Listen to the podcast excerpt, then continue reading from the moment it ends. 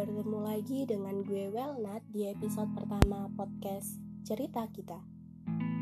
Ada yang bilang kalau siap jatuh cinta juga harus siap patah hati.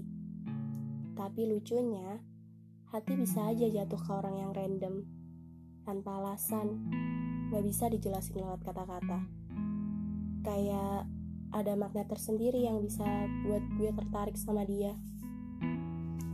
Dia rumit, tapi unik.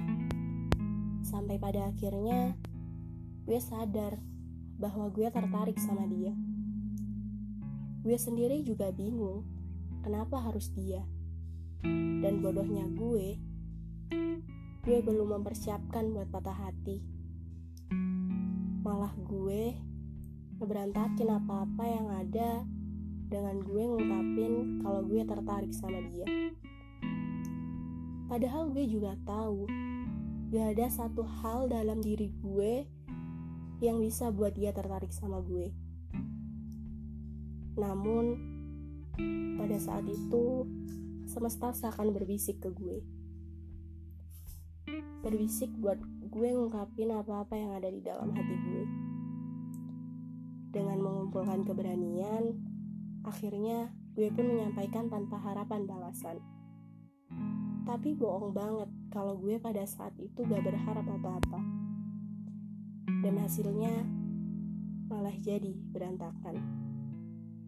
Semuanya jadi canggung.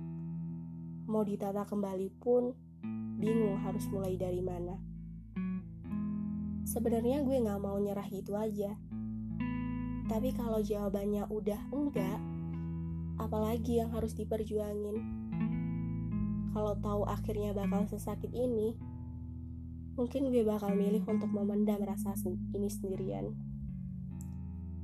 Karena emang sesesak itu cinta satu arah. Dan pada dasarnya, memang ada hal yang harus dipendam, dan itu lebih baik daripada diungkapkan malah jadi berantakan.